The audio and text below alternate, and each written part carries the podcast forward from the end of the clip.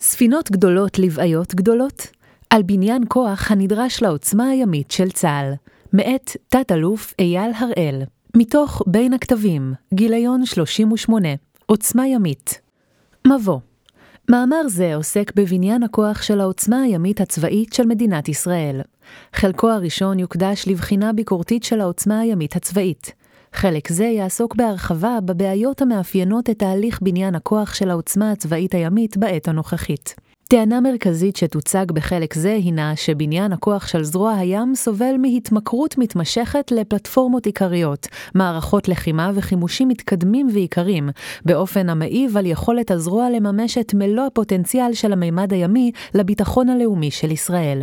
חלק זה גם יעמוד על הסיבות להתמכרות המתוארת וישרטט את מאפייניה. חלקו השני של המאמר עוסק בשאלה האם וכיצד צריכה העוצמה הימית להשתנות. הטענה המרכזית של חלק זה הינה שעמודי התווך של תהליך בניין הכוח של העוצמה הצבאית הימית הינם היעדים והאינטרסים הלאומיים של מדינת ישראל, והאופן בו היא מבינה את הממד הימי בביטחון הלאומי שלה. חלק זה גם יסקור בקצרה מתודולוגיה מוצעת אשר משקללת את הנדבכים ההכרחיים לטובת תהליך בניין כוח מיטבי יותר. החל מזיהוי האינטרסים והיעדים הלאומיים של ישראל, דרך ברור האסטרטגיה הלאומית של ישראל בכלל וביחס למרחב הימי בפרט, ועד להגדרה של אסטרטגיה צבאית לזרוע ועיצוב ותכנון בניין כוח הולם. בעוד שזרוע הים נדרשת להמשיך להתמקד בראש ובראשונה במשימות מסורתיות של הגנה על נכסים כלכליים והבטחת חופש השיט, עליה במקביל לאמץ משימות צבאיות ולאומיות חדשות, הנובעות מהשתנות תפקידו האזורי של צה"ל, הקרנת עוצמה והרחבת העומק האסטרטגי של ישראל. בעוד שהזרוע אינה בהכרח צריכה לגדול לצורך כך, עליה להעצים דפוסי פעולה קיימים, ובראשם פעילויות הזרוע במסגרת המערכה בין המלחמות, מב"ם, והדיפלומטיה הצבאית. המיקוד המוצע משקף מחד גיסא את החשיבות הגדלה של הממד הימי בביטחון הלאומי של ישראל, ומאידך גיסא מונע מתיחת יתר משאבית למרחבי עשייה אחרים, בהם לזרוע הים אין יתרון יחסי בצה"ל. חלק א' בישראל אין תפיסת ביטחון עדכנית כתובה אשר עוסקת בתחום בניין הכוח או ארגון שעוסק בעיצוב ותכנון בניין כוח צבאי ברמה הלאומית מחוץ לצה"ל. בשל כך קיים פער מתמשך בין האופן בו היה רצוי שיתקיים תהליך בניין הכוח הצבאי ברמה הלאומית לבין המצב בפועל. המצב הרצוי הינו שתהליך זה יתקיים כתהליך אסטרטגי מעמיק ומתמשך, שיכלול שיח מקצועי ופתוח בין הדרג המדיני לבין לובשי המדים, ובשילוב מספר רב של גורמים מתחומי ידע ומגזרים שונים, אקדמיה ומכוני מחקר, תעשיות ביטחוניות, חברה אזרחית. ראשית הצירים של תהליך זה הינה כמובן יעדיה הלאומיים המוסכמים של מדינת ישראל, גם אם הם אינם מעוגנים במסמך רשמי. בהמשך לכך יכלול התהליך ניתוח מערכתי שבמוקדו הגדרה של מרחבי הפעילות, הגיאוגרפיים והנושאיים, התפקודים המבצעיים הנדרשים והתפוקות המצופות מכך. למשל, השגת עליונות צבאית גנרית או מודיעינית ביחס לאויב מסוים. התהליך נדרש הן עבור בניין הכוח הצבאי בכללותו, אך גם עבור כל אחת מזרועות הצבא, ובכלל זאת זרוע הים. בשל היעדר תהליך שכזה סובל בניין הכוח הצבאי של ישראל מהטיה מתמשכת לטובת התעצמות בפלטפורמות עיקריות ובחימושים על חשבון תחומי עשייה נוספים, המצריכים השקעה משאבית. על אף ההשתנות בסביבתה של ישראל בעשורים האחרונים, זרוע הים משמרת את תפיסתה שהמענה המרכזי לאתגרים שניצבים לפתחה ולפתחו של צה"ל מצוי בהשקעה עצומה ומתמדת בפלטפורמות עיקריות, כולל מערכות לחימה, במלאים ובמוכנות. אין בכך כדי להגיד שהזרוע לא צריכה ספינות מתקדמות או למלא את מלאי החימושים, אלא שההתמקדות הכמעט בלעדית בכך מונעת מהזרוע לחשוב מחדש על עצמה ועל האופן בו היא עשויה להוות חלק משמעותי יותר מסל הכלים הצבאי של ישראל. התיאבון של הזרוע לפלטפורמות, מערכות לחימה וחימושים יקרים נשמר, על אף ההכרה בכך שמשתקפת בדברי מפקדי הזרוע, שאלה אינם מובילים לשינוי המיוחל בדימוי ובמעמד הזרוע. המצב המתואר כאמור אינו ייחודי לזרוע הים לאורך השנים, אלא לכל זרועות צה"ל. האלוף אהרון חליבה תיאר זאת בצורה ציורית לפני מספר שנים, כאשר טען שצה"ל לכוד בתסמונת עוד מאותו דבר. במסגרתה חלק גדול ממאמצי בניין הכוח של צה"ל מחייב מחייבים השקעה עצומה מצד אחד, אך מצד שני, תפוקתם הביטחונית מוגבלת. מה מסביר את הקיבעון התפיסתי של זרוע הים? מדוע הזרוע משמרת את ההתמכרות לפלטפורמות, מערכות לחימה וחימושים? בסיבה הראשונה עסקנו בתחילתו של פרק זה, והיא כאמור היעדרם של מסמך תפיסתי מכונן בתחום הביטחון הלאומי, וארגון אשר יעסוק בתחום בניין הכוח ברמה הלאומית. בהיעדר אסטרטגיה רבתי לאומית ואסטרטגיה צבאית ימית, הגוזרת את האפיון של בניין הכוח הנדרש לשם מילוי המשימות הלאומיות, מתקבל מצב במסגרתו הזרוע הים בונה את כוחה לאור מה שהיא מוצאת לנכון כחשוב לצה"ל ולביטחון הלאומי של ישראל. נראה כי הדבר מוביל בין השאר לכך שהזרוע משקיעה משאבים רבים בתחומים שהתפוקה הביטחונית שלהם אינה מיטבית, בין אם ביחס לחלופות הקיימות, ובין אם במבחן האופטימיזציה של ניצול סל המשאבים המוגבל של צה"ל. הסיבה השנייה היא התעלמות מוקטורים קיימים בסביבה הביטחונית, השמרנות הארגונית או מגבלות הדמיון של העוסקים בתחום בניין הכוח בזרוע הים, המונעים מהם לראות כיצד ביכולתם להשיג תפוקות ביטחוניות בהשקעה בתחומים נוספים מלבד פלטפורמות, המסוגלים להביא תפוקה מבצעית גדולה יותר. לסיבה זו חשיבות מיוחדת בעת הנוכחית בשל הפוטנציאלים התפיסתיים, הטכנולוגיים והארגוניים החדשים, המגולמים בעידן התעשייתי הנוכחי, העידן התעשייתי הרביעי, ופיתוחם במסגרת הצבאית.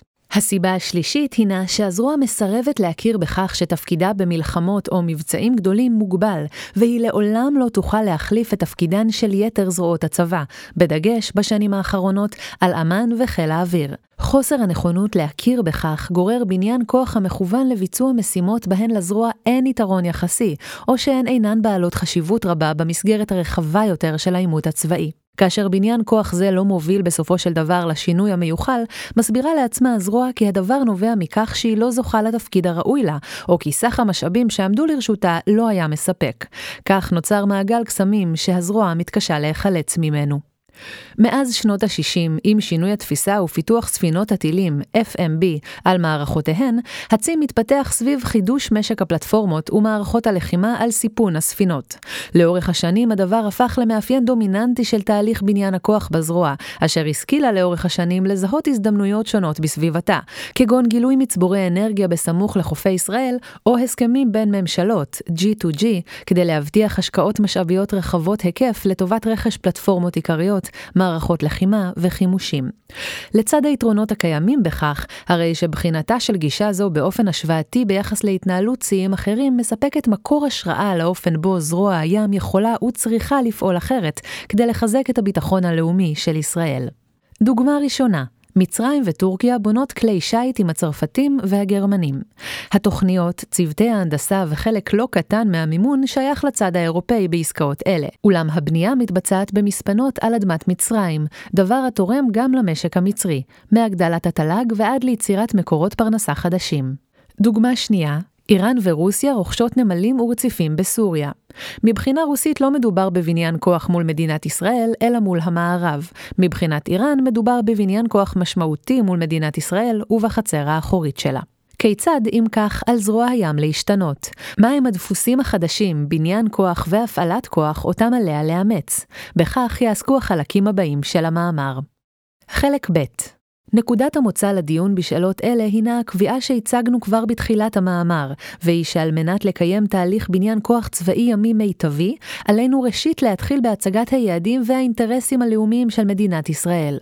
אלה מהווים מסגרת לתכנון של צורת התפקוד והמשימות שצה"ל צריך לבצע, ובתוך כך גם זרוע הים, שמירת ריבונות המדינה, מספיקות אנרגטית, מרחב פעולה, לגיטימציה בינלאומית, ביטחון של אנשיה בכל מקום, להיות בית לעם היהודי. היהודי, שימור מדינת ישראל כמדינה דמוקרטית. בשלב הבא, ועוד טרם ניגש לחשיבה על האסטרטגיה הימית של ישראל, יש לבחון כיצד האינטרסים הללו באים לידי ביטוי באסטרטגיה הלאומית, national strategy, של ישראל, ככל שהיא קיימת. בישראל אין כיום גוף למחקרי ביטחון לאומי ממשלתי העוסק בכך, אולם סביר וניתן ללמוד על הנושא באמצעות בחינה של האסטרטגיות של גופי תכנון ממשלתיים שונים, מאלה העוסקים בתכנון עירוני ועד למדיניות החוץ של ישראל.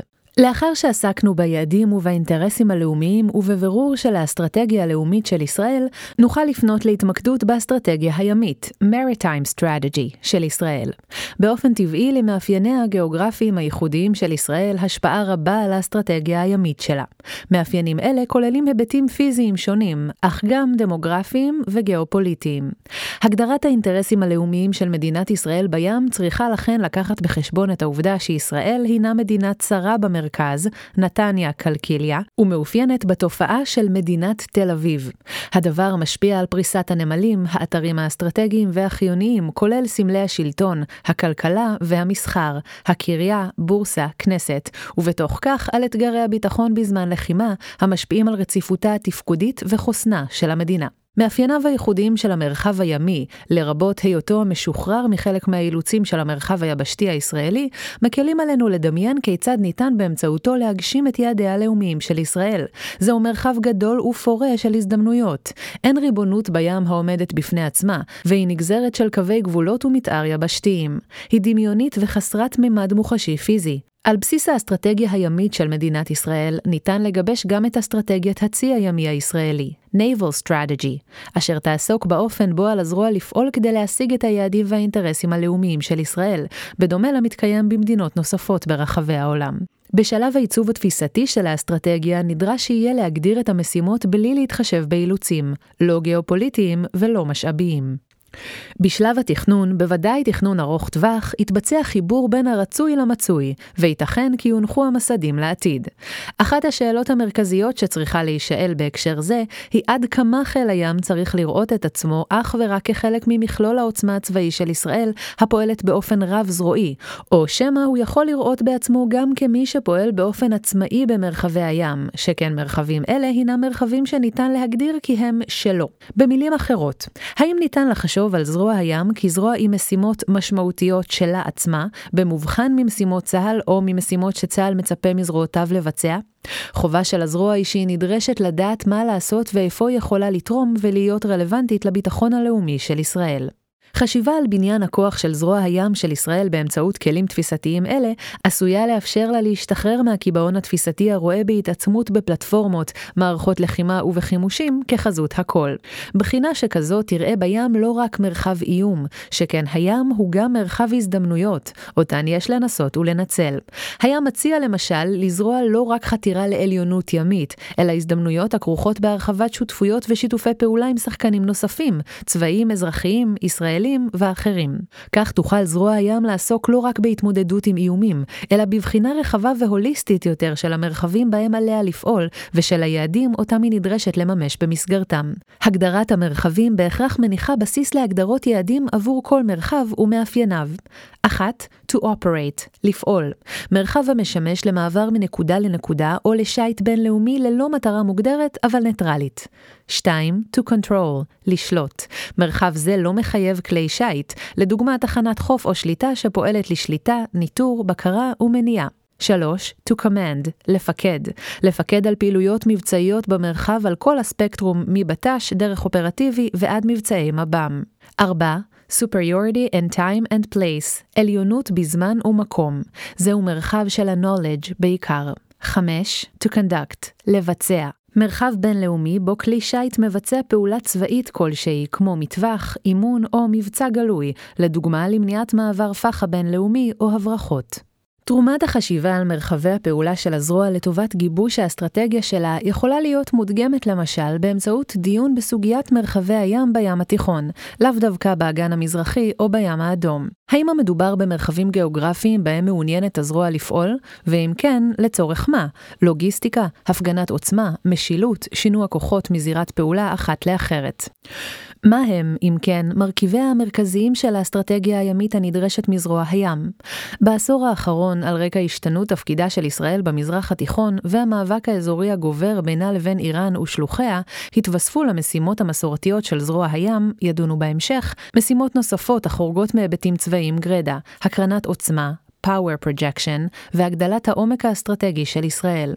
משמעותה של משימת הקרנת עוצמה היא שזרוע הים תידרש שתהיה לה, כהגדרת הפרופסור סטיבן רוזן, היכולת לבצע פעולות צבאיות במרחק רב מבסיסי האם של הכוחות תוך פרק זמן קצר במיוחד.